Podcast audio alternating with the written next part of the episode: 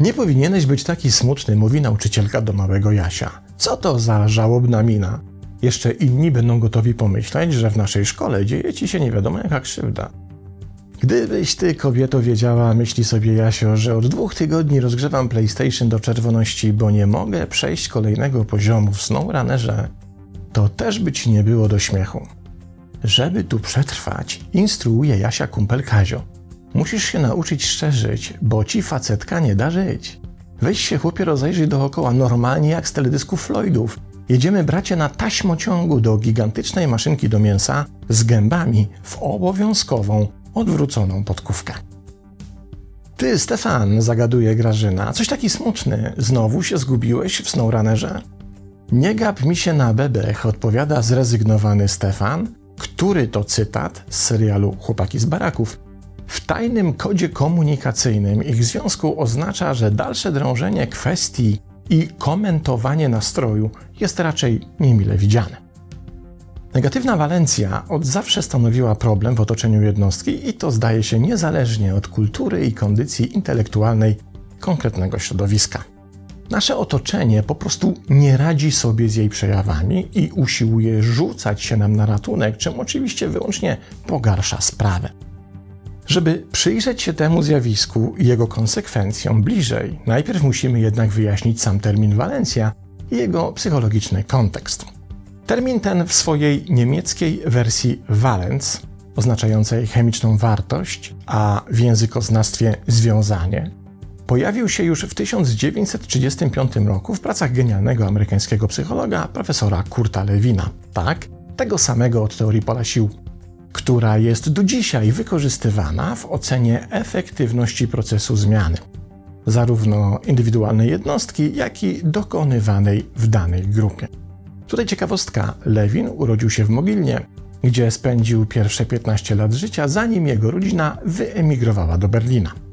W każdym razie ten właśnie słynny Kurt Lewin zaproponował termin walencja, za pomocą którego mierzony jest kąt wychylenia danego nastroju. I tu przypomnijmy, nastrój to stan emocjonalny, który utrzymuje się w nas dłużej niż konkretna emocja oraz ma znacznie mniejszą intensywność i w odróżnieniu od emocji nie ma swojego konkretnego obiektu, który jest uznawany za bodziec zewnętrzny lub wewnętrzny, wywołujący emocje i który również w przeciwieństwie do emocji nie jest motywatorem do nagłych zmian w zachowaniu, podejmowania jakichś aktywności czy akcji. Często, by wyjaśnić te różnice, wskazuje się emocję złości, która ma swoją konkretną przyczynę i powoduje konkretne zachowania, oraz stan rozzłoszczenia, który pojawia się bez konkretnej przyczyny, jest mniej intensywny niż złość, ale trwa samoistnie dłużej i w jego konsekwencji zwykle nie podejmujemy żadnych działań. Walencja zaś to termin, za pomocą którego możemy scharakteryzować wektor nastroju jako pozytywny lub negatywny.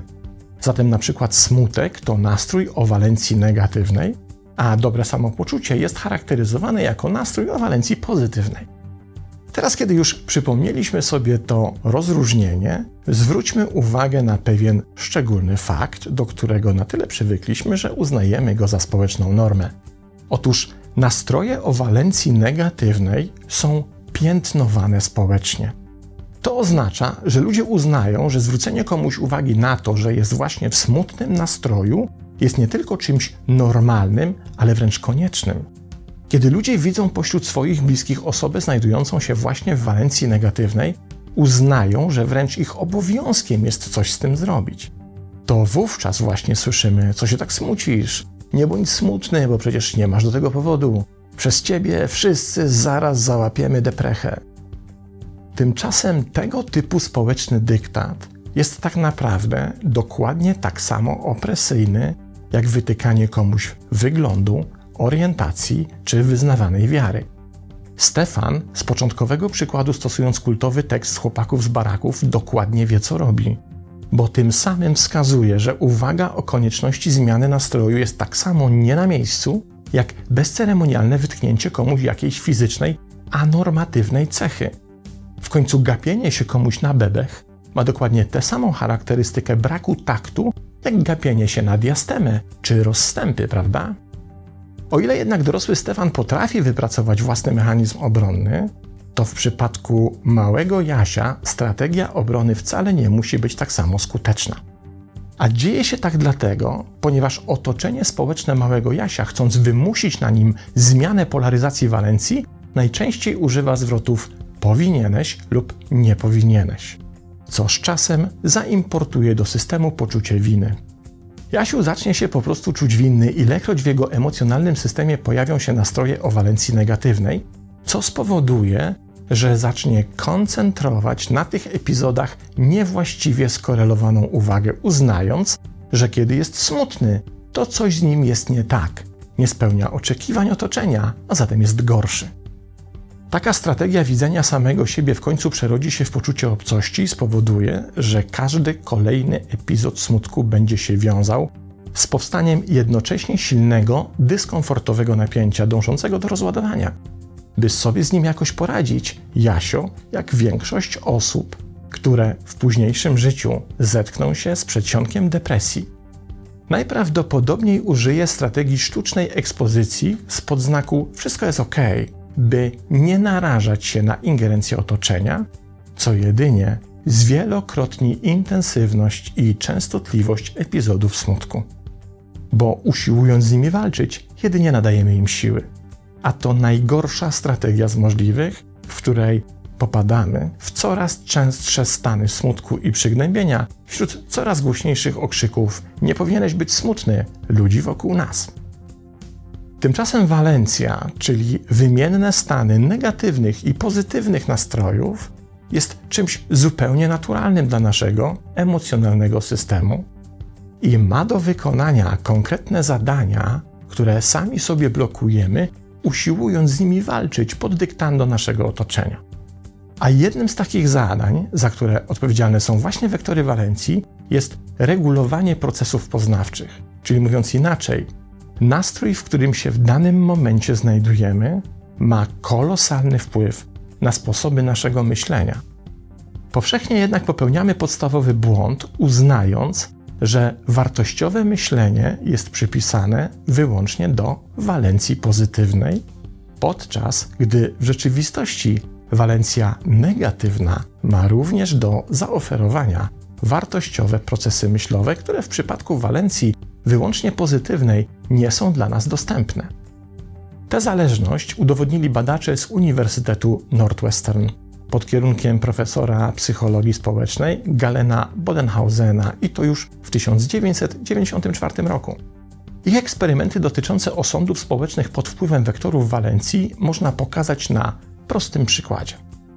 Wyobraźmy sobie taką oto sytuację, w której jedna z koleżanek z pracy zrobiła coś niewłaściwego. Na przykład pomyliła raporty miesięczne, w efekcie czego wszyscy dostali niższe premie niż im się należały. Następnie wyobraźmy sobie, że jej czyn, motywacje oraz wszystkie okoliczności, które do tej pomyłki doprowadziły, ma ocenić aż pięć zespołów sędziów zrekrutowanych z pracowników firmy, którzy na swoich dochodach odczuli skutki pomyłki koleżanki. Pierwszy zespół sędziów nazwiemy uradowanym, bo składa się z ludzi, którzy akurat znajdują się w bardzo silnej, pozytywnej emocji. Drugi zespół sędziów nazwiemy zespołem dobrego samopoczucia. Ci już nie są w silnej emocji, jedynie w działaniu nastroju dobrego samopoczucia. Trzeci zespół to zespół emocjonalnie i nastrojowo neutralny, i to w porównaniu z wynikami tego zespołu będziemy oceniać wyniki uzyskane w pozostałych. Czwarty zespół to zespół sędziów raczej w smutnym nastroju, który nie ma żadnego specjalnego powodu. I ostatni, piąty zespół to zespół mocno zezłoszczony, czyli taki, w którym pojawia się silna negatywna emocja. Mamy zatem gradację pięciu stanów od emocji radości w pierwszym zespole, przez nastrój o walencji pozytywnej w drugim, potem zespół neutralny, zespół o walencji negatywnej i w końcu zespół o emocji negatywnej. Czy ocena postępowania koleżanki w każdym z tych zespołów będzie taka sama? Podejrzewamy, że nie i oczywiście mamy rację, bo jak już wiemy, zarówno stany emocjonalne, jak i walencja nastrojów ma wpływ na procesy kognitywne. Ale to, co odkrył zespół Bodenhausena, już nie jest takie oczywiste. Otóż okazało się, że tylko w jednym badanym zespole, poza oczywiście zespołem emocjonalnie neutralnym, przy wydawaniu oceny zachowania koleżanki nie pojawiły się oceny stereotypowe związane z heurystykami poznawczymi, skrótami myślowymi czy fałszywymi przekonaniami. Był to zespół czwarty, właśnie ten, z nastrojem smutku, czyli walencji negatywnej. We wszystkich pozostałych zespołach oceny postępowania koleżanki nie były ani sprawiedliwe, ani też zasadne, a więc w istocie dla tejże koleżanki krzywdzące. Co więcej, ten efekt został odkryty nie tylko dla oceny społecznej czyichś czynów, ale również, jak się okazało, działa w sytuacji, w której ktoś usiłuje nas do czegoś przekonać, czy nami manipulować dla jakichś swoich korzyści. Wszystkie grupy poza neutralną i smutną dawały się łatwiej oszukać, na przykład ulegając przekonaniu, że ktoś, kto próbuje ich do czegoś przekonać, dysponuje rzeczywistą, a nie jedynie pozorną wiedzą. Jedynie sędziowie z grupy smutnej byli w stanie dużo racjonalniej spojrzeć na przedstawiane przez manipulatora argumenty i odkryć, jakie oszustwo się za tym kryje. Czy to czasem więc nie jest tak, że nasz emocjonalny system reguluje walencję nastrojów, przełączając nas pomiędzy epizodami dobrego samopoczucia i smutku, nie po to, by nam uprzykrzyć życie, ale po to, by zmobilizować do bardziej racjonalnego wnioskowania na temat tego, czego doświadczamy? By chronić nas przed zbyt wielkim wpływem tych, którzy jadąc na naszym stereotypowym podejściu wyłącznie chcą na tym coś dla siebie ugrać. A może by chronić nas przed samymi sobą, kiedy zakładamy sobie na oczy emocjonalne klapki, bo czujemy się winni, że komuś nie podoba się nasz obecny nastrój i robimy wszystko, by zwielokrotnić ten dyskomfort. Kluczem, jak zawsze, jest odwaga, która w tym wypadku polega na umiejętności autonomicznej kontroli nad własnym życiem i ciekawskim zaglądaniem w swoje wnętrze, nawet wówczas, kiedy innym niespecjalnie jest to w smak. Pozdrawiam.